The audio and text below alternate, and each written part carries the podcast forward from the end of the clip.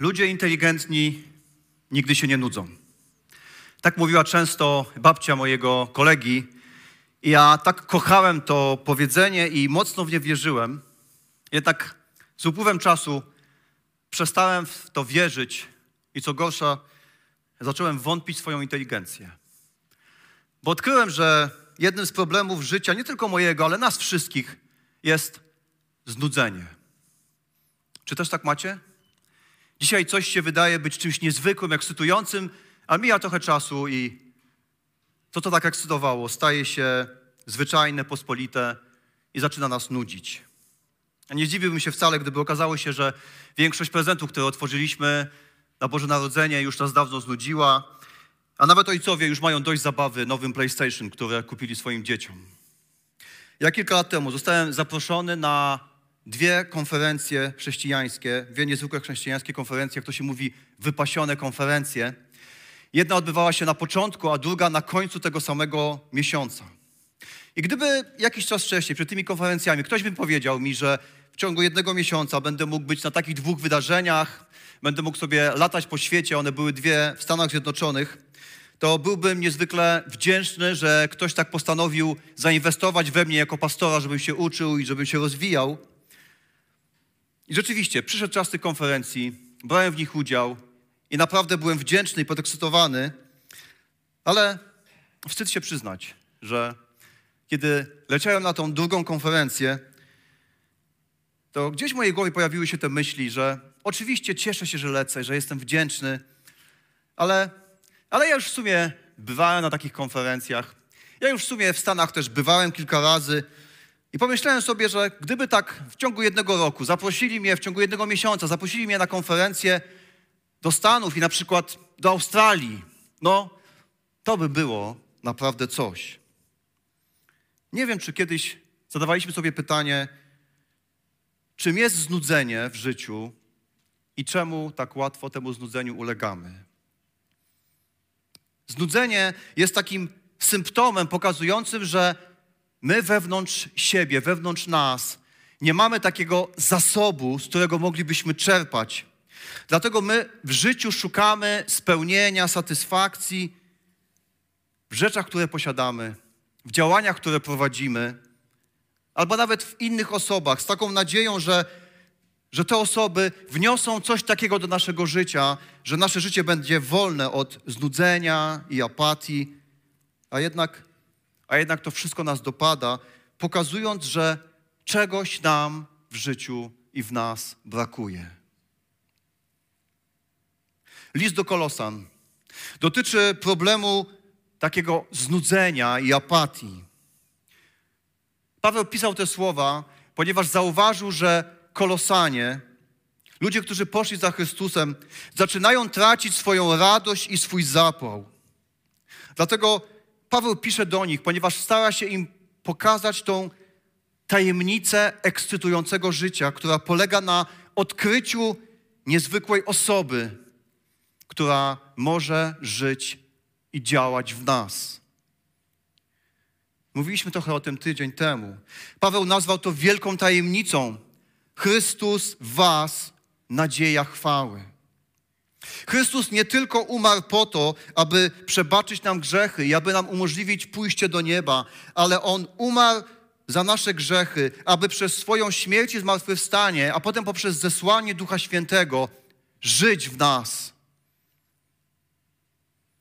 I chrześcijanie, którzy to odkryli, ale nie tylko w takim intelektualnym sensie, ale zaczęli na podstawie tego, że Chrystus żyje we mnie, zaczęli żyć tak każdego dnia, nagle ich życie zaczyna się zmieniać.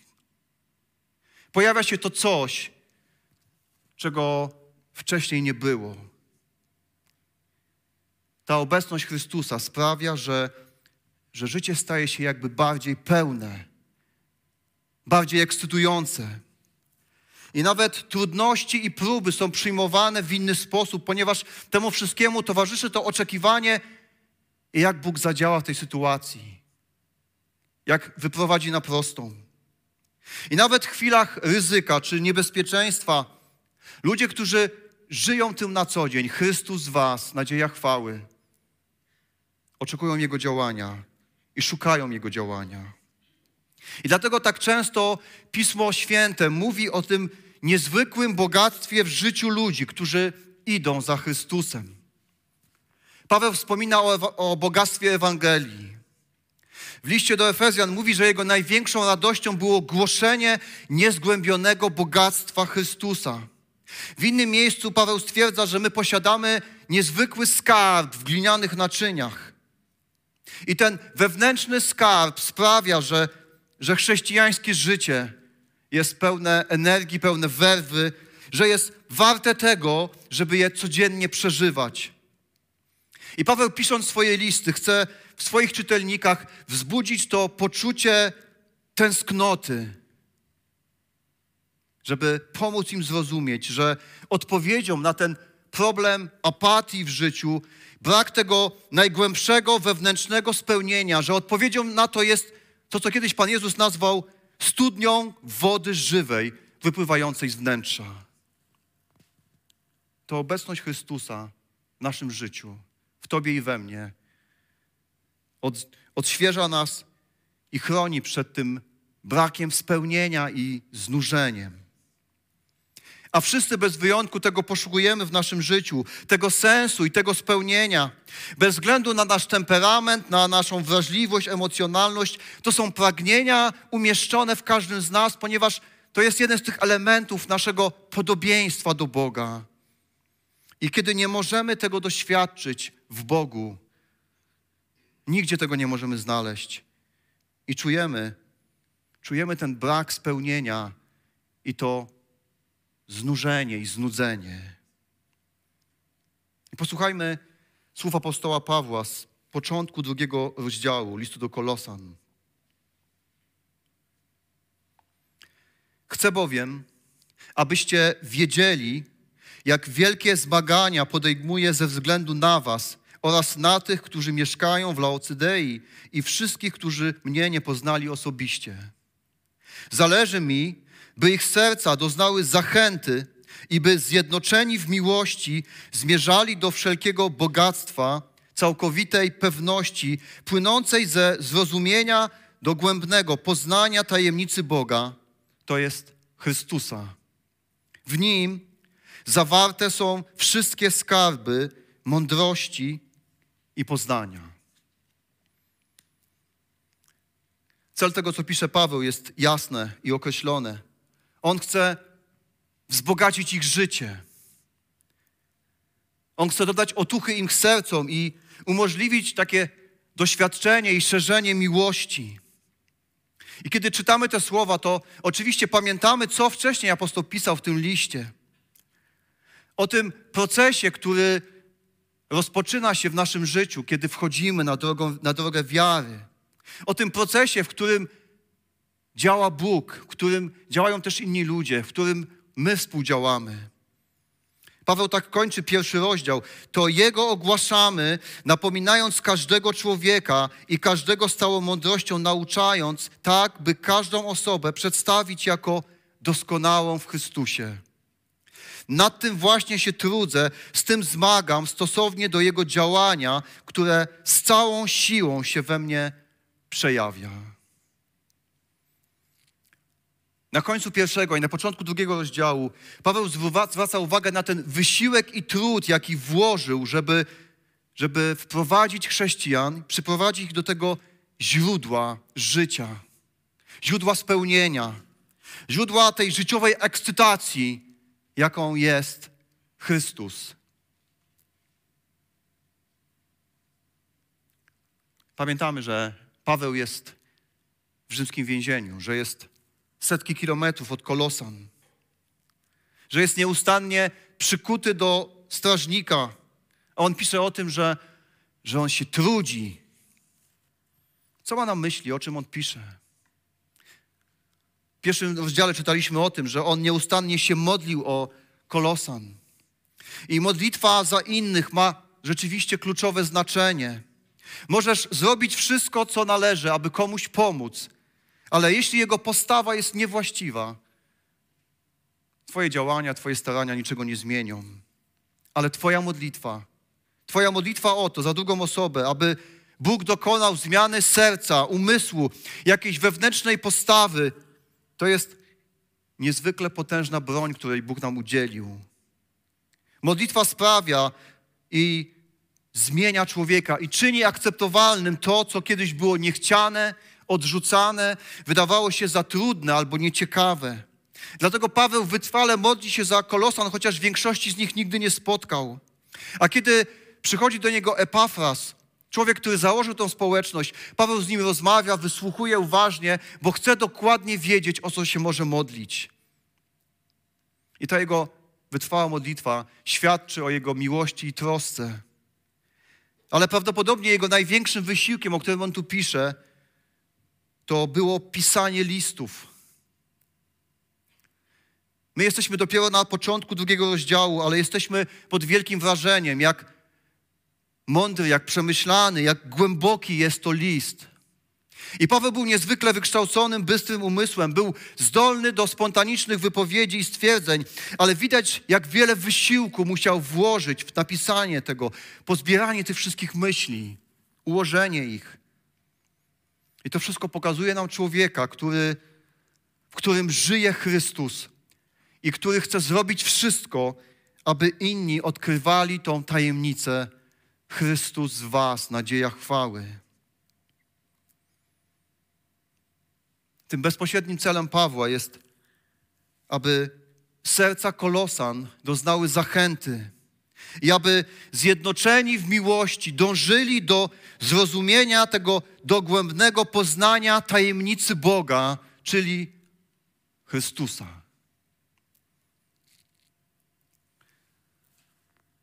Kiedy czytamy te słowa, to, to chyba trochę możemy być skarceni albo nawet zawstydzeni, bo My oczywiście też chcemy, żeby ludzie poznawali Chrystusa, ale, ale, ale my jakby często stosujemy inną metodę. Naszą metodą jest po prostu korygowanie, prostowanie ludzi.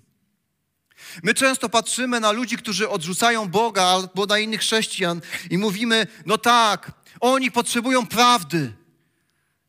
I tak często gubi nam się miłość. Wprawdzie miłość bez prawdy jest sentymentalizmem, ale czym jest Boża prawda bez miłości?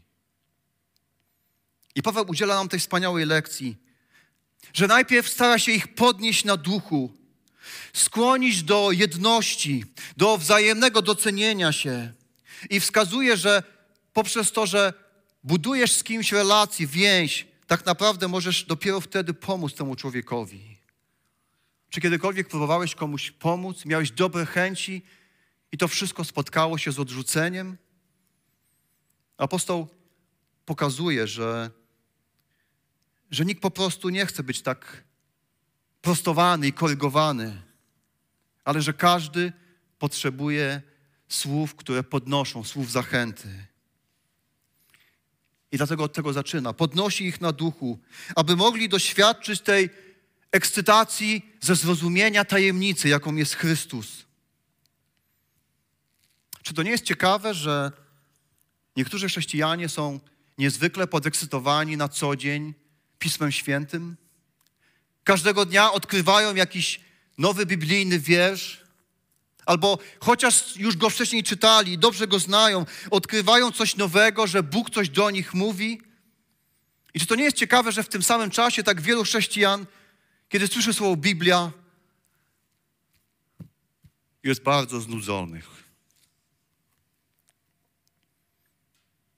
A tymczasem to właśnie tam, w Bożym Słowie, znajdują się te skarby mądrości i poznania, które zawierają się w Chrystusie.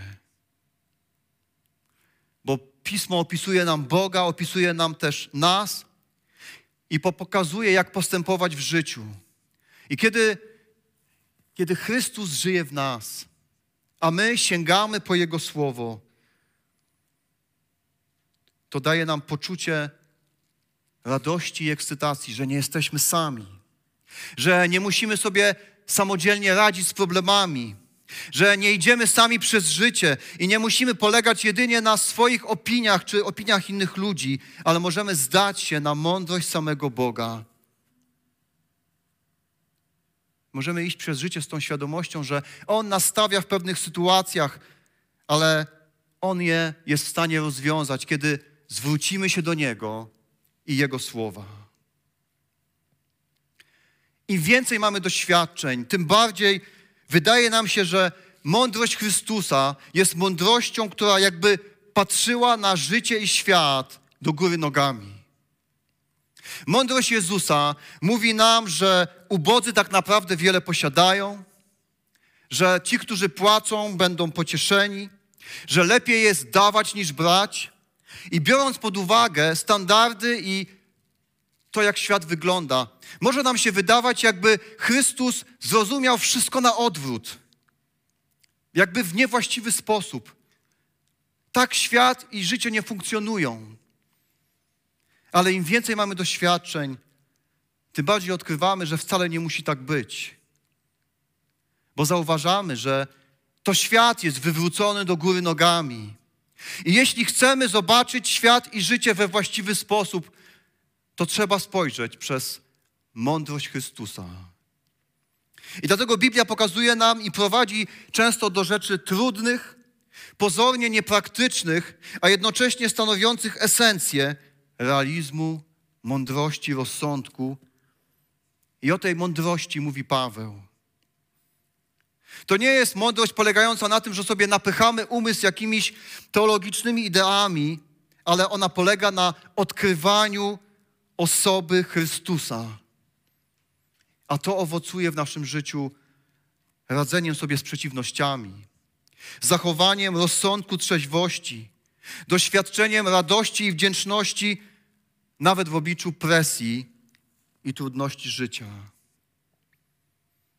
I Paweł pisze te słowa, ponieważ jest pełen niepokoju, jest świadomy, że łatwo jest przegapić te skarby ukryte w Chrystusie, dając się zwieść w swoim życiu fałszywym naukom i trendom.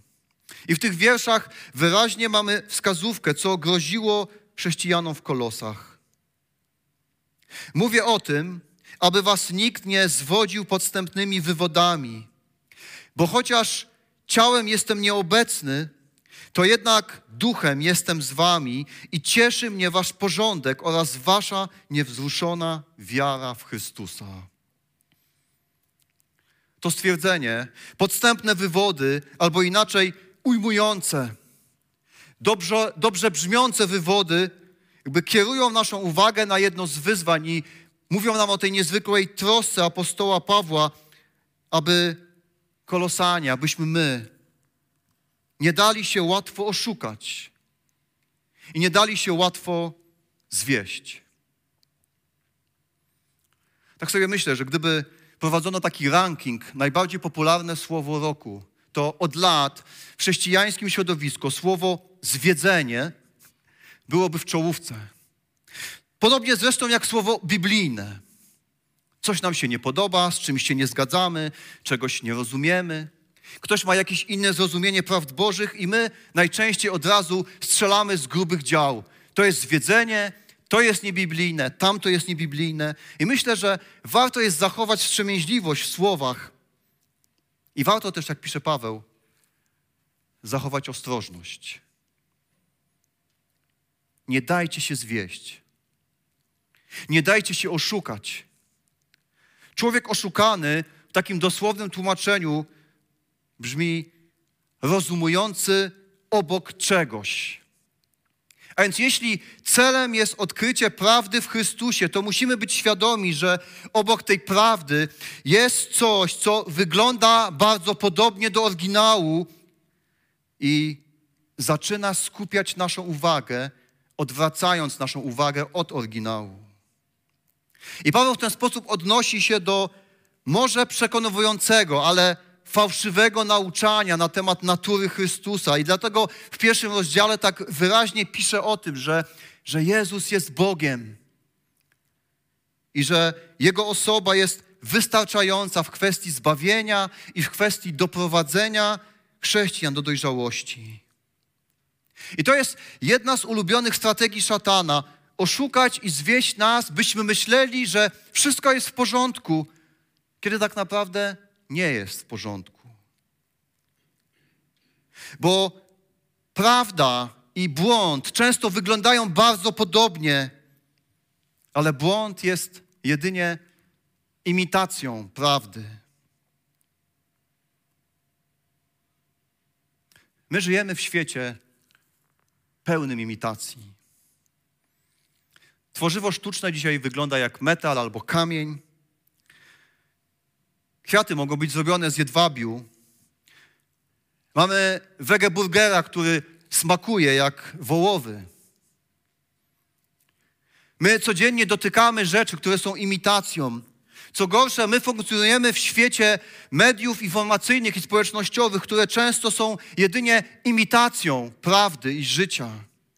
I efekt jest taki, że coraz bardziej tracimy zdolność, aby odróżnić oryginał od imitacji.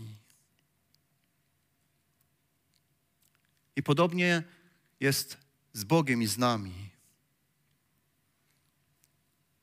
Niewłaściwy obraz Boga i siebie i życia, czyli, czyli niewłaściwa teologia, one są w stanie zarazić nasze serce niewiarą i dotknąć nas czymś, co moglibyśmy określić jako takie duchowe SN. I to polega na tym, że wielu dobrze rozpoczyna swój bieg wiary, ale stopniowo jakby dotyka ich jakiś paraliż z powodu tego niewłaściwego obrazu Boga i siebie. Co teologia ma wspólnego z nami? Może to, że teologiczna natura ludzkiego życia jest nie do, uniknio, jest nie do nieuniknięcia. Każdy człowiek tak naprawdę, może nawet nieświadomie, każdy z nas jest teologiem. Bo każdy z nas udziela sobie odpowiedzi na te głębokie życiowe pytania, co jest prawdą, co nie. Czy jest Bóg, jakim On jest. A to jest po prostu teologia. I kiedy mówimy o teologii, też musimy być świadomi tego, że takie teologiczne rozważania mogą często podsycać naszą dumę intelektualną i przemienić nas w osoby, którym bardziej zależy na poznaniu właściwych prawd i pojęć niż na poznaniu Boga i Chrystusa. I takie podejście też jest katastrofalne. Jeśli więc nie jesteśmy oddani, by poznawać Boga i trwać w Nim, czyli stosować to, co Bóg mówi w swoim słowie. Łatwo możemy zostać oszukani, że coś poza Chrystusem może dać nam zbawienie, wolność, spełnienie, że coś innego może rozwiązać nasz problem znudzenia. Jeśli nie trwamy w Chrystusie, to łatwo jest nas oszukać, że Chrystus wystarczy do zbawienia, ale nie wystarczy do zadowalającego życia tu i teraz. Jeśli nie trwamy w Nim, niewiele trzeba, żeby się byle jakość wdarła w nasze podążanie za Chrystusem. Jeśli nie trwamy w Nim, to dość łatwo możemy pobiec w stronę grzechu. Zacząć się kierować osobistymi ambicjami, chęcią dominacji, pożądliwościami, pychą, zazdrością, materializmem. A wszystkie te rzeczy działają trochę tak jak narkotyki.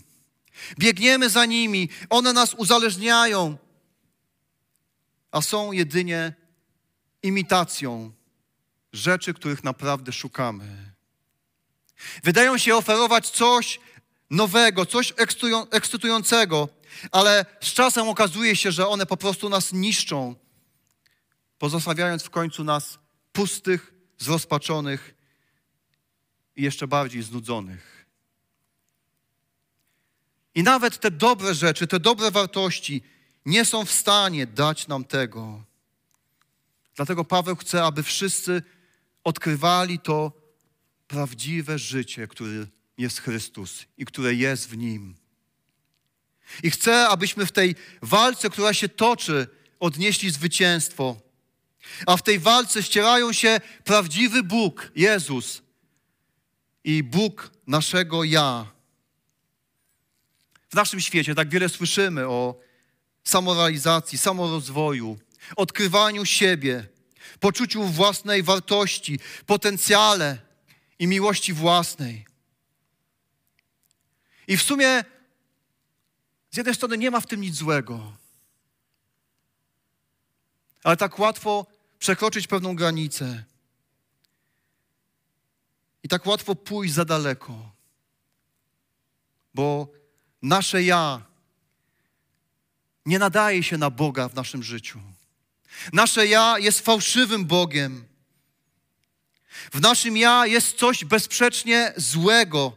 I w dalszej części listu Paweł opowie, co to jest i co Bóg uczynił, abyśmy naprawdę mogli się cieszyć wolnością, którą znajdujemy w, poprzez to, że Go naśladujemy i służymy Mu. I znowu, kierując te słowa ostrzeżenia do Kościoła, Paweł znowu stara się dodać im zachęty, ponieważ dostrzega w ich życiu coś, co, co daje mu pewną nadzieję, że oni jednak nie dadzą się oszukać temu fałszywemu nauczaniu. Bo chociaż jestem nieobecny, to jednak duchem jestem z wami i cieszy mnie wasz porządek oraz wasza niewzruszona wiara w Chrystusa. Jeśli nie chcemy dać się oszukać i zwieść, prowadźmy, tak jak pisze Paweł, uporządkowane, zdyscyplinowane życie.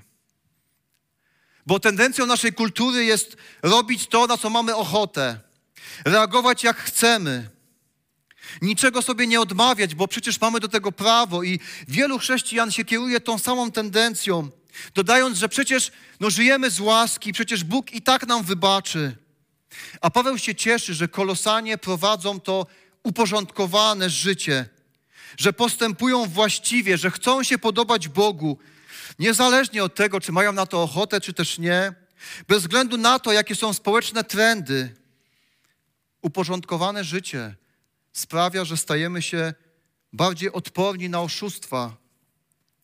A po drugie, Paweł się cieszy tym, że ich wiara w Chrystusa jest mocna. Kolosanie chyba zrozumieli tą pewną subtelną różnicę, że to nie oni mają Chrystusa, ale to Chrystus ma ich. On w nich mieszka. On ich prowadzi, on ich podtrzymuje. A to rodzi nadzieję, że kiedy zbłądzą albo zaczną błądzić, że Chrystus wyśle kogoś, kto im to wskaże, albo sam w jakiś sposób, poprzez okoliczności, powstrzyma ich aby utrudnić im to zakorzenienie się błędów w ich życiu. Ta silna wiara w obecność Chrystusa jest takim potężnym bastionem chroniącym nas przed wprowadzeniem w błąd. I Paweł kończy to wskazówkę jednym z chyba najważniejszych fragmentów Nowego Testamentu. Posłuchajmy. Jak więc przyjęliście Jezusa Chrystusa Pana, tak też zjednoczeni z Nim postępujcie. Jako ludzie zakorzenieni w Nim, jako ci, którzy w Nim budują i w Nim umacniają swoją wiarę. Zgodnie z tym, jak Was nauczono, przy tym zaś niech przepełnia Was wdzięczność. Tak sobie myślę, że to by było niezwykle cenne i użyteczne, gdyby ten fragment wisiał na naszych lodówkach, był na wygaszaczach naszych smartfonów, gdybyśmy znali go na pamięć i często sobie powtarzali i często modlili się tymi słowami. Bo to jest taki prosty przewodnik do tego radosnego, ekscytującego życia w Chrystusie. Tak jak przyjąłeś, przyjęłaś Pana, trwaj w Nim. Bądź mu posłuszna, posłuszny. Idź za nim. Rozmawiaj z nim. Korzystaj z jego łaski. Opieraj się na jego mocy i w nim szukaj pocieszenia. I Paweł pisząc o tym, pokazuje nam te trzy niezwykłe rzeczy, które nam się przydarzyły, tym, którzy są w Chrystusie. On mówi: Zostaliście zakorzenieni w Chrystusie. Jak głęboko zakorzenione drzewo, zostaliście zasadzeni w nim i te silne korzenie będą was trzymać. Po drugie, zostaliście zbudowani w Chrystusie. Nie tylko korzenie sięgają głęboko, ale macie niezniszczalny fundament. I na tym fundamencie, na Chrystusie, z Nim i w Nim budujecie. On działa w Was i wzrastacie w wierze i w doświadczeniu. I po trzecie, zostaliście wzmocnieni w Chrystusie. Musieliście się zmierzyć z problemami, które były, ale ponieważ On mieszka w Was, On Was wzmocnił. W ten sposób Wasza wiara została wzmocniona. To zostało nam ofiarowane w Chrystusie. I kiedy, kiedy to ma miejsce w naszym życiu, Paweł wskazuje jeszcze na jedną rzecz, którą należy dodać. I mówi w taki sposób: bądźcie przepełnieni wdzięcznością. Niech wdzięczność będzie znakiem rozpoznawczym, niech będzie widoczna.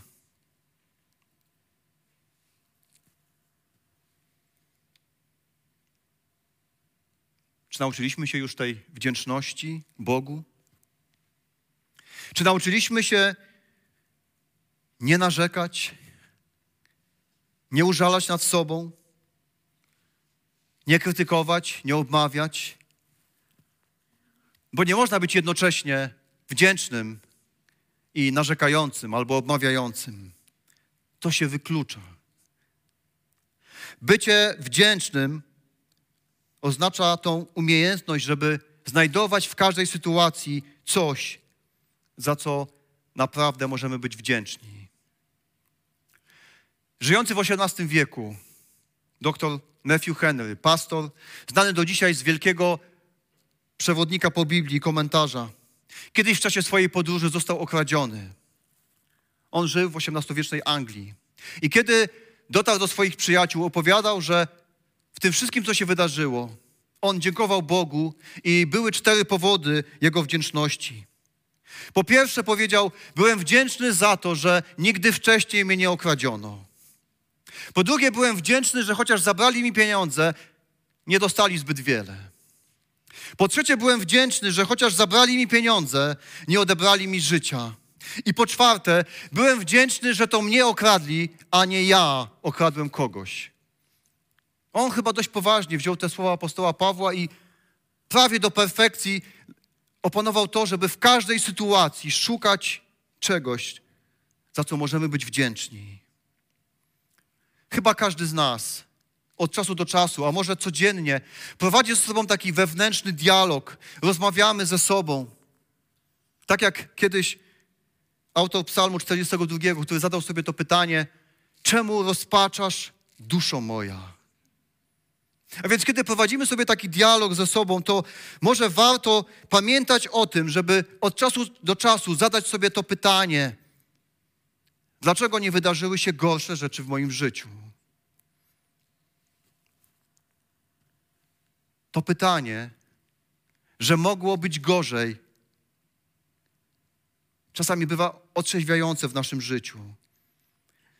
To nam pomaga odkrywać i przypominać sobie, co otrzymaliśmy od Boga, a tak często uznajemy za coś oczywistego. Jego zbawienie, Jego łaskę i miłość, Jego obecność w nas, Jego troskę o nas, że, że mamy dom, że nie głodujemy, że mamy rodzinę, która nas kocha i którą możemy kochać, że możemy pracować i uczyć się, i że możemy tworzyć Kościół, aby wspólnie podążać za Bogiem. I to bycie wdzięcznym zawsze kieruje nas w stronę Chrystusa, a w Nim odkrywamy to rozwiązanie i odpowiedź na naszą życiową pustkę, apatię i znudzenie. Bo podążając za Chrystusem i poznając Go lepiej, odkrywamy ekscytujące życie, którego zawsze szukaliśmy.